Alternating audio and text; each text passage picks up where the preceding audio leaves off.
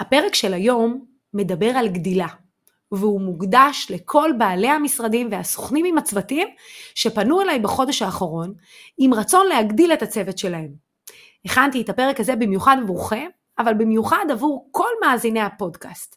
אז קבלו 15 טעויות שצריך להימנע מהם בדרך להגדלת הצוות או המשרד, בדרך לבניית מערך או צוותון עם אנשי צוות. אז יאללה, פתיח ומתחילים.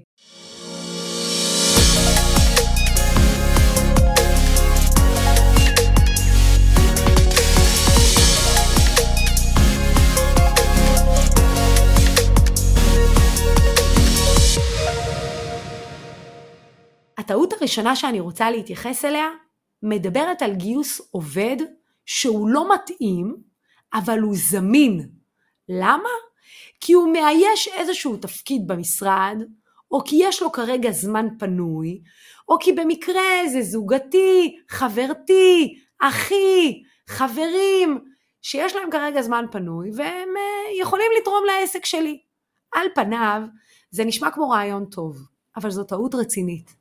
משום שגיוס עובד לא מתאים, שהוא רק זמין, מייצרת לנו רצף של כשלים בהמשך. אם אין את הפרופיל המתאים לביצוע התפקיד, ואין את הדרישות הרלוונטיות להוצאת המשימה לפועל, אנחנו מכניסים את עצמנו למצב מאוד מאוד בעייתי, שבו גייסנו מישהו שהוא לא מתאים לתפקיד, שמשיקולים לא רלוונטיים ולא עסקיים החלטנו לגייס אותו, ואז להעזיב אותו ולהוציא אותו מהעסק, יהיה לנו מאוד קשה אחר כך. הטעות השנייה זה לגייס עובד בלי לתת לו הכשרה ייעודית לתפקיד לשמו הוא הגיע. מה שנקרא לזרוק אותו למים, בתקווה שהוא יקלוט את התפקיד. ישנם סוכנים שאומרים, מה, כשאני נכנסתי לתחום הזה, אף אחד לא באמת עזר לי. אני הסתכלתי, ניסיתי, התנסיתי, ובסוף הצלחתי. המחשבה הזו שאם אני מביא סוכן חדש, אני לא צריך לתת לו הכשרה, מספיק שהוא יראה אותי פעם, פעמיים, שלוש, ייצמד אליי ויבין את כל התהליך, היא מחשבה שגויה, משום שהיא מייצרת גם לי שחיקה, נכון, בסוכן הראשון ובסוכן השני, במזכירה הראשונה ובמזכירה השנייה, אני אשקיע מאמץ, אבל בשלישי וברביעי אני אבין שאין לי את האנרגיה ואת הכוח ללמד את הבן אדם הזה את התפקיד, אז או שאני אחפף, או שאני אגיד, טוב, בסדר, הוא ילמד, אם הוא יצליח, לא טוב, אם הוא יצליח, טוב, ואם הוא לא יצליח, אז לא נורא. הדבר הזה בעייתי, חבר'ה, הוא פוגע בגדילה שלכם בסופו של דבר. אם החלטתם לגייס מישהו אליכם, תיתנו לו הכשרה יהודית. אם החלטתם שאתם רוצים מישהי שתתאם את הפגישות, שבו איתה על תסריטים, שהיא תשמע אתכם מקיימים את השיחות האלה, תעשו את הסימולציות, תנו לה לדבר, את התסריט, לא רק לזרוק עליה תסריט ולצפות שהיא תלמד לעשות אותו לבד. תבינו שכשאתם מביאים מישהו, חייב לתת לו הכשרה.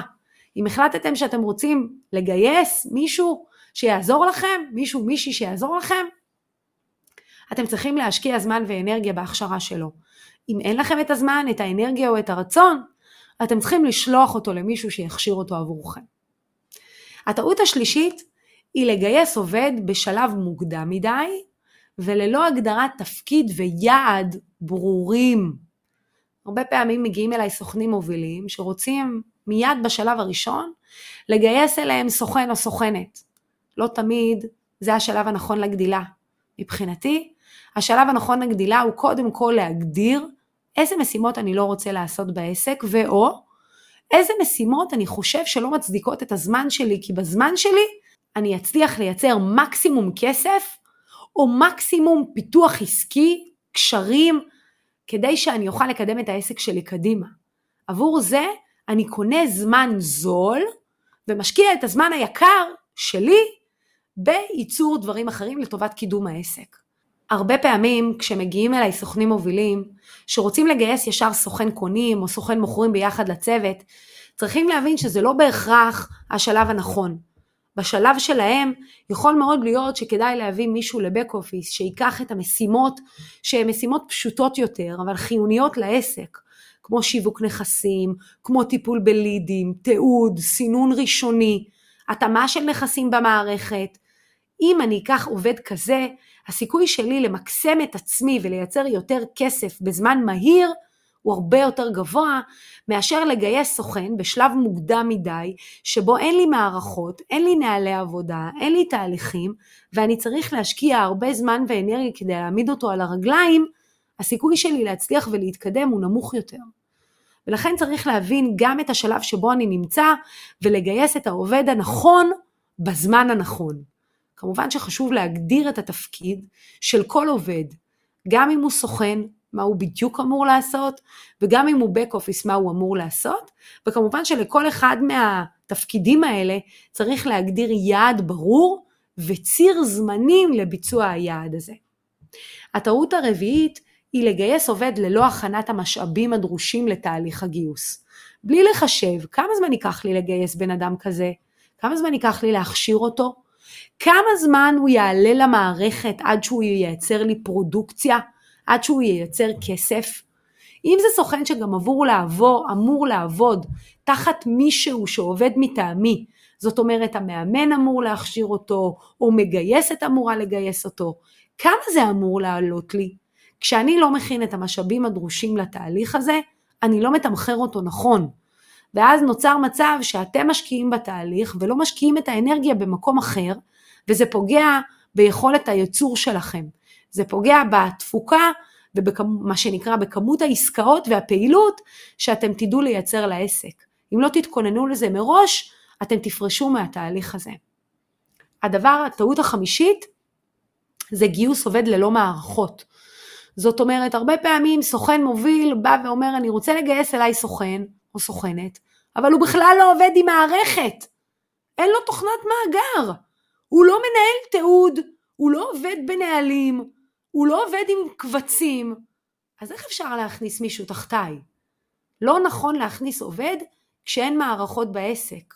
לא טכנולוגיות ואין מערכות, הכוונה היא שיטות עבודה.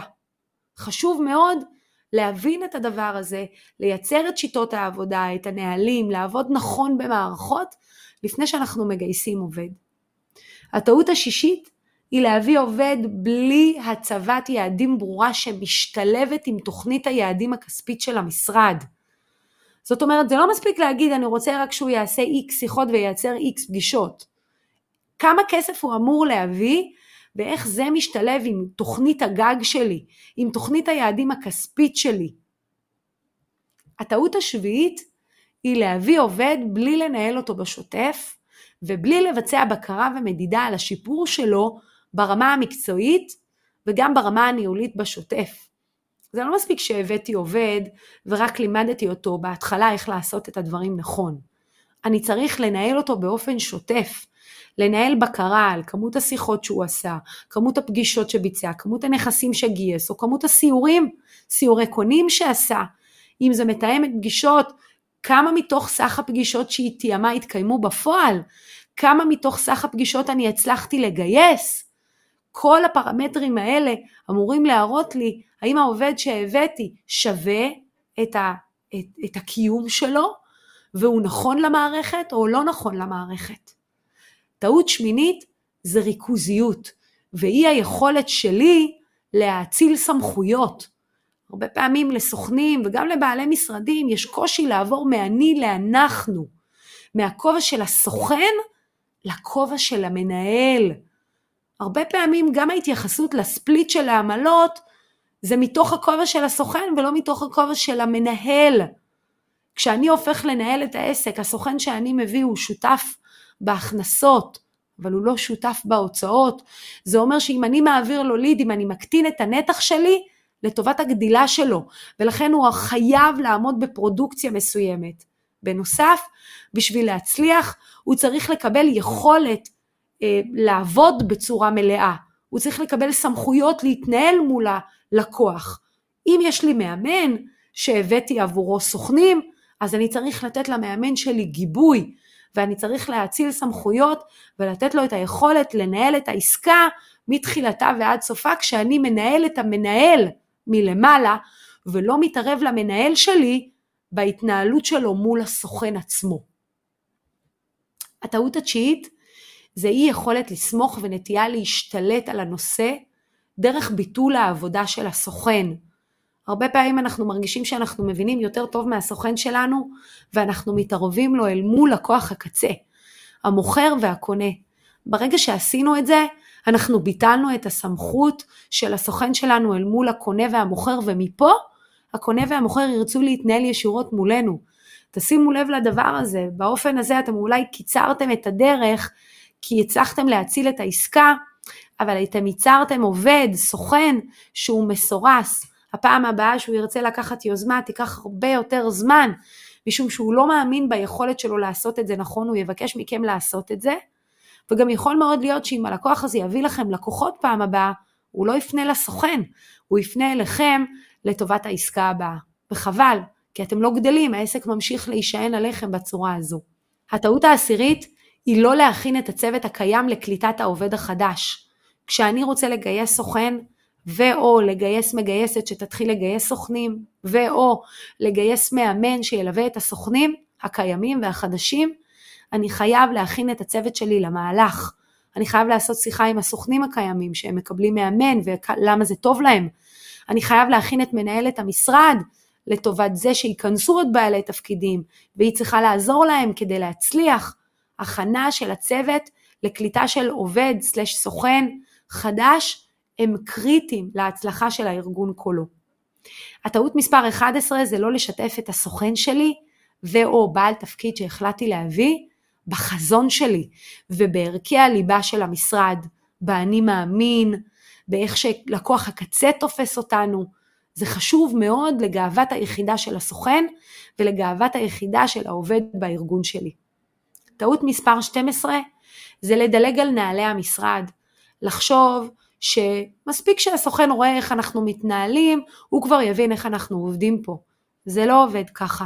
אני חייב לעבוד איתו על נעלי המשרד, על השת"פ הפנים-משרדי, שת"פ חוץ-משרדי, ואיך אנחנו מטפלים בלידים, מה קורה אם הוא קיבל ליד מהמשרד, תוך כמה זמן הוא צריך לטפל בו, מה קורה אם זה ליד שהוא ייצר בעצמו, מה קורה אם הוא גייס נכס ומחר הוא צריך לשתף פעולה עם סוכן אחר שיביא קונה, איך זה נעשה, מה חלוקת העמלות, איך היא מתבצעת בצורה הזו.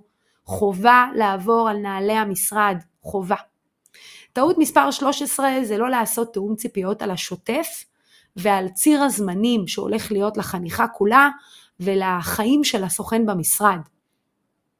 חשוב מאוד שהסוכן ידע שאם יש לנו ישיבת צוות, הוא צריך להיות חלק ממנה. הדרכות, סיורי סוכנים, התנהלות שיש לנו ברמת אה, אה, העבודה מול הקולגות שלנו.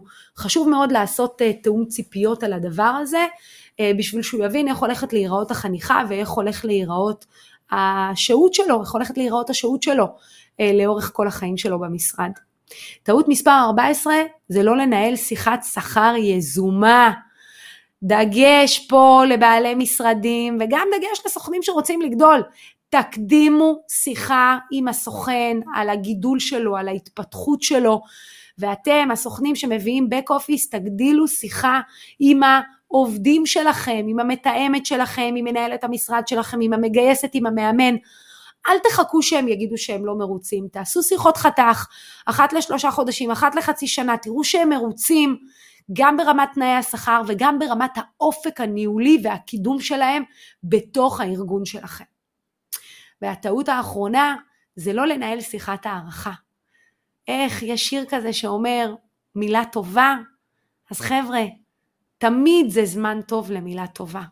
ואם מנוהלת שיחת הערכה מדי רבעון, שבו אני משקף לסוכן שלי, למאמן, למגייסת, למנהל, למתאמת פגישות, כמה אני מעריך את הנוכחות שלהם בארגון, כמה שאני חושב שהתרומה שלהם ברמה המקצועית וברמה האישית תורמות להגשמת החזון הכולל, אז אני שוגה פה ביג טיים, משום שבסופו של דבר האנשים שנמצאים בארגון שלי הם הפרונט שלי, הם הפרזנטורים שלי, הם גם השגרירים הכי טובים של העסק שלי, וחשוב מאוד שאם השקעתי בהם זמן ואנרגיה, אז חשוב מאוד שאני גם אשמר אותם בארגון.